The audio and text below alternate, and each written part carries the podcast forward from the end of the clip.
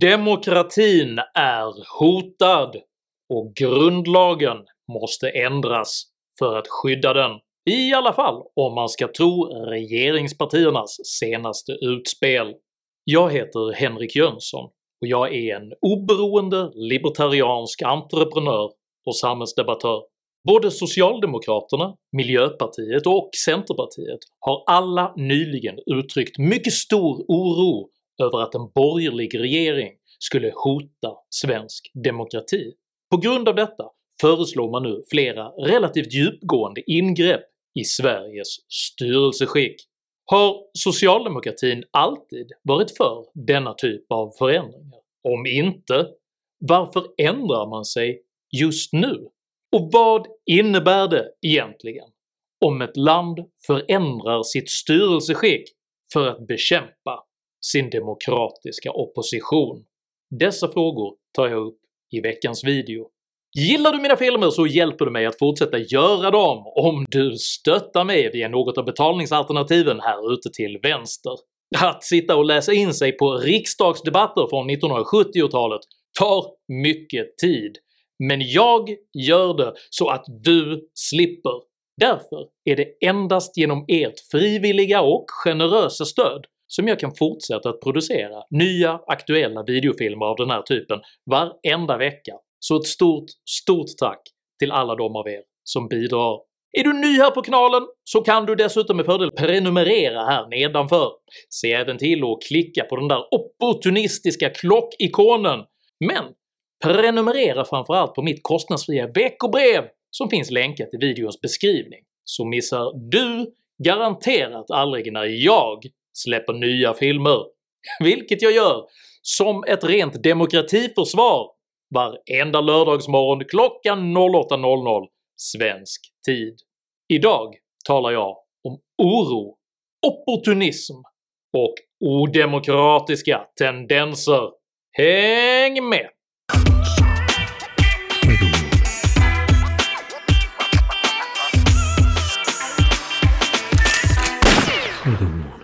All makt utgår från folket. Så lyder den första paragrafen i den svenska regeringsformen, vilket är den grundlag som reglerar Sveriges styrelseskick. Detta styrelseskick vilar på den så kallade folksuveränitetsprincipen, vilken ursprungligen formulerades av upplysningsfilosofen och naturromantikern Jean-Jacques Rousseau. Grundtanken med denna “suveränitet populär” är att all offentlig makt i en stat ska utgå från den allmänna viljan, alltså medborgarnas sammantagna önskningar. Folksuveränitetsprincipen ställs ibland mot den så kallade maktdelningsprincipen, vilken innebär att makten i en stat istället bör fördelas över olika maktcentra för att minska risken för maktmissbruk. Ett exempel på detta är Amerikas maktuppdelning i form av det exekutiva presidentämbetet, den legislativa kongressen och de judikativa domstolarna. Under det amerikafientliga 1970-talet företrädde socialdemokratin en närmast bokstavstroende folksuveränitetslära, och man tog skoningslös strid mot borgerliga förslag på införandet av svensk lagprövningsrätt. Dåvarande justitieministern Lennart Geijer citeras i riksdagens protokoll 1975-76:149 enligt följande “Bakom talet att domstolarna ska skydda den enskilde mot överheten ligger en antidemokratisk kritik av det parlamentariska styrelseskicket. Det är därför en farlig lära.” Det moderat-folkpartistiska lagprövningsförslag som justitieministern kallade antidemokratiskt innebar i korthet ett grundlagsstadgande av rättsväsendets möjlighet att pröva lagstiftningens giltighet. I samma debatt anförde statsminister Olof Palme “Risken med de här moderat-folkpartistiska ändringarna är att de kan leda till att man klavbinder parlamentet genom ämbetsmannamakt eller genom en liten minoritets rätt att sätta sig över en mycket bred majoritets uppfattning. Detta är främmande element i det svenska folkstyret och går på tvärs med den författningspolitiska utveckling som vi har haft under 1950 och 1960-talen och som ju har vägletts av en total uppslutning kring kraven på parlamentarismens och folksuveränitetens fulla genomförande. Risken är alltså att följden av bifall till dessa förslag skulle bli en blockering av reformarbetet. Palme sammanfattade den socialdemokratiska positionen mycket väl. “Folksuveränitetsprincipens majoritet gäller.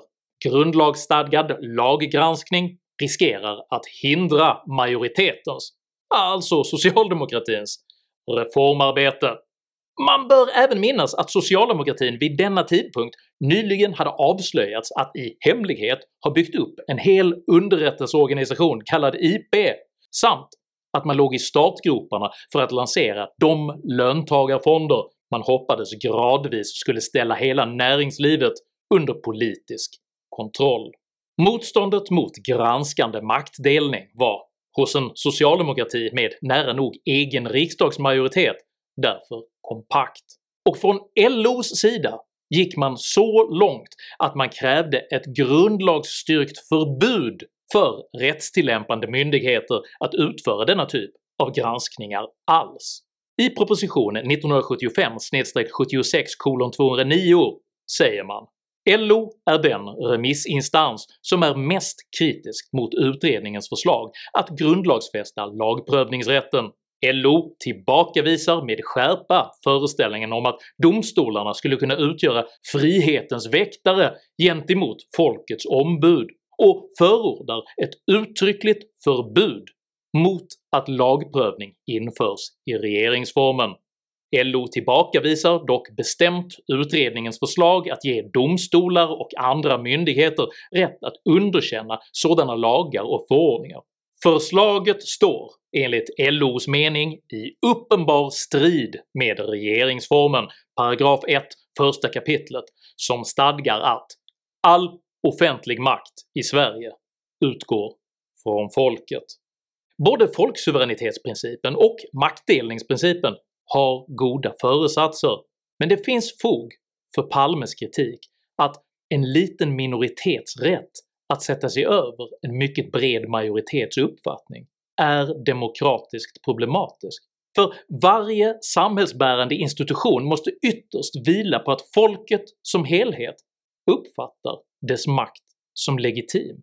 I ljuset av detta är det intressant att se hur socialdemokratins retorik rörande folksuveränitetsprincipen på 45 år har svängt 180 grader, för nu anser man det antidemokratiskt att inte klavbinda parlamentet.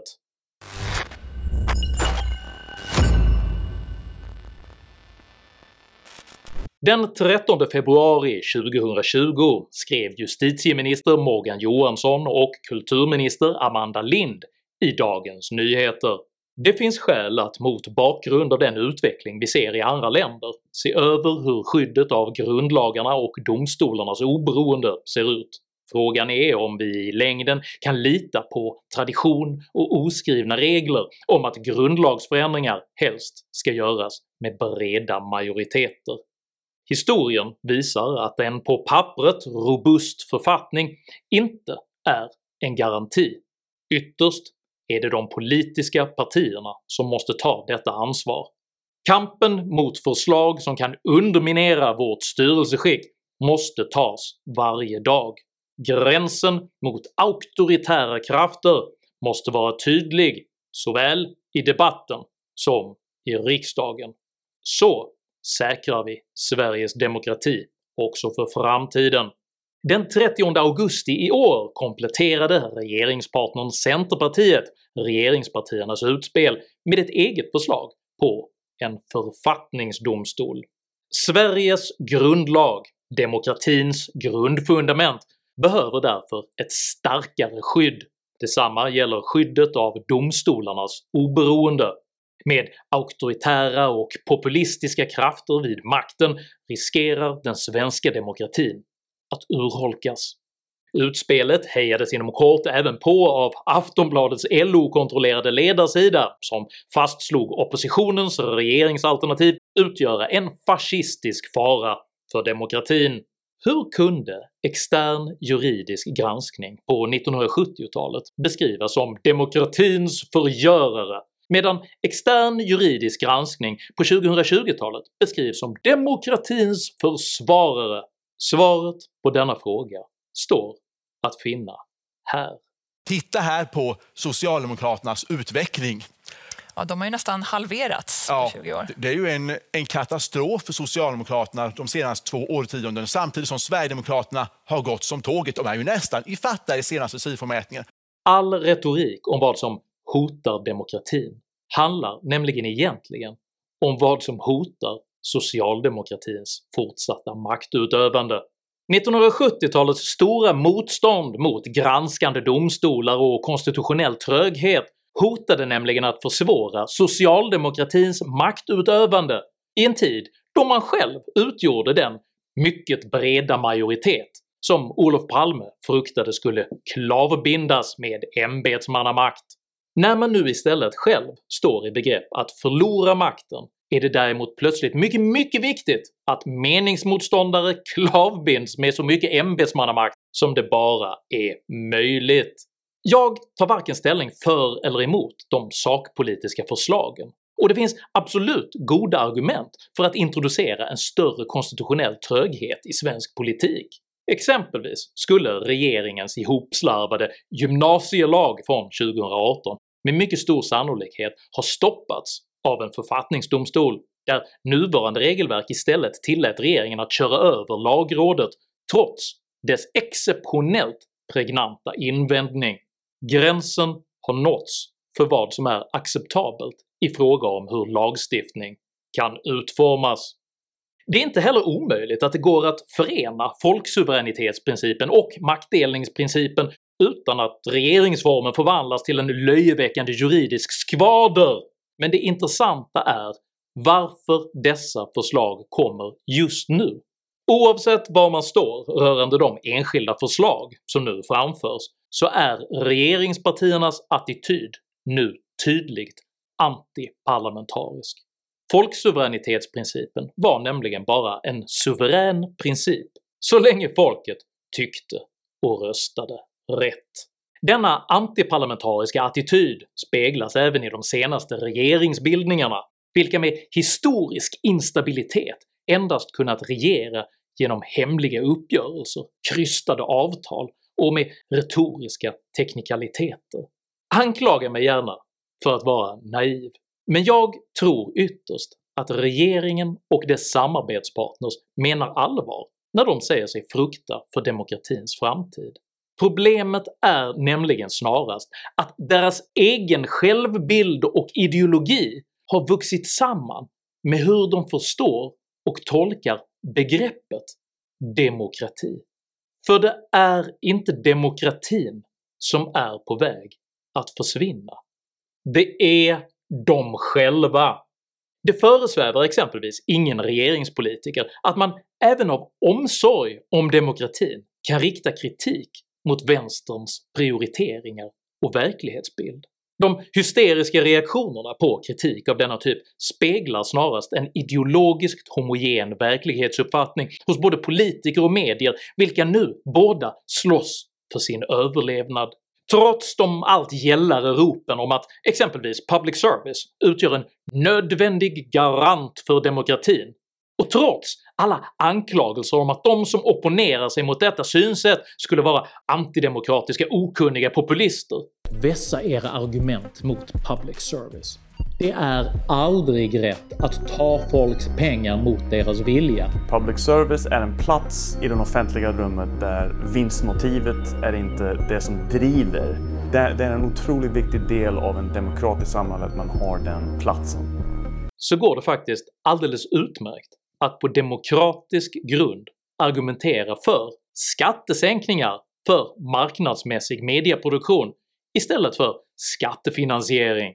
För demokratins innehåll är inte demokratin i sig, och varken public service, mediestödda dagstidningar eller ens socialdemokratin är nödvändiga för demokratins överlevnad. Och detta är den springande punkt som dåvarande statsminister Olof Palme pekade på.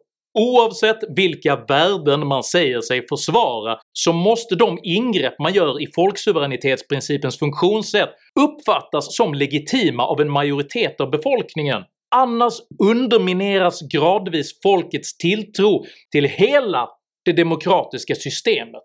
På riktigt. Att exempelvis på högst oklara grunder utmåla hela den borgerliga oppositionen som direkt demokratifientlig undergräver förtroendet för demokratin. Att genom juridiska små fiffigheter upprätthålla handlingsförlamade regeringskonstruktioner undergräver förtroendet för demokratin. Och att byta hållning rörande vad som är demokratifientligt utifrån vad som bäst gagnar det egna maktinnehavet undergräver definitivt förtroendet för både politiker, för regering och för Sveriges demokrati. Benägenheten att kalla alla demokratiskt framröstade meningsmotståndare för odemokratiska fascister visar tvärtom bara hur djupt man misstror det folk från vilket all makt i Sverige faktiskt ännu utgår. Tycker du det är viktigare att förvalta folkets respekt för demokratin än att kladda på Sveriges styrelseskick av opportunistiska skäl?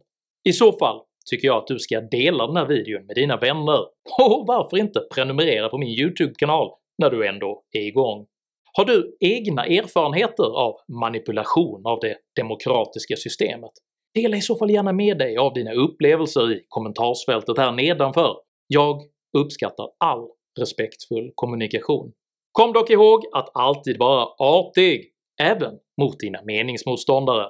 Jag tolererar inte aggression, personpåhopp eller rasism i mina idédrivna kommentarsfält. Tack för att du som kommenterar respekterar detta. Jag heter Henrik Jönsson och jag respekterar både folksuveränitet och maktdelning, men inte maktpolitisk opportunism. Tack för mig och tack för att ni har lyssnat.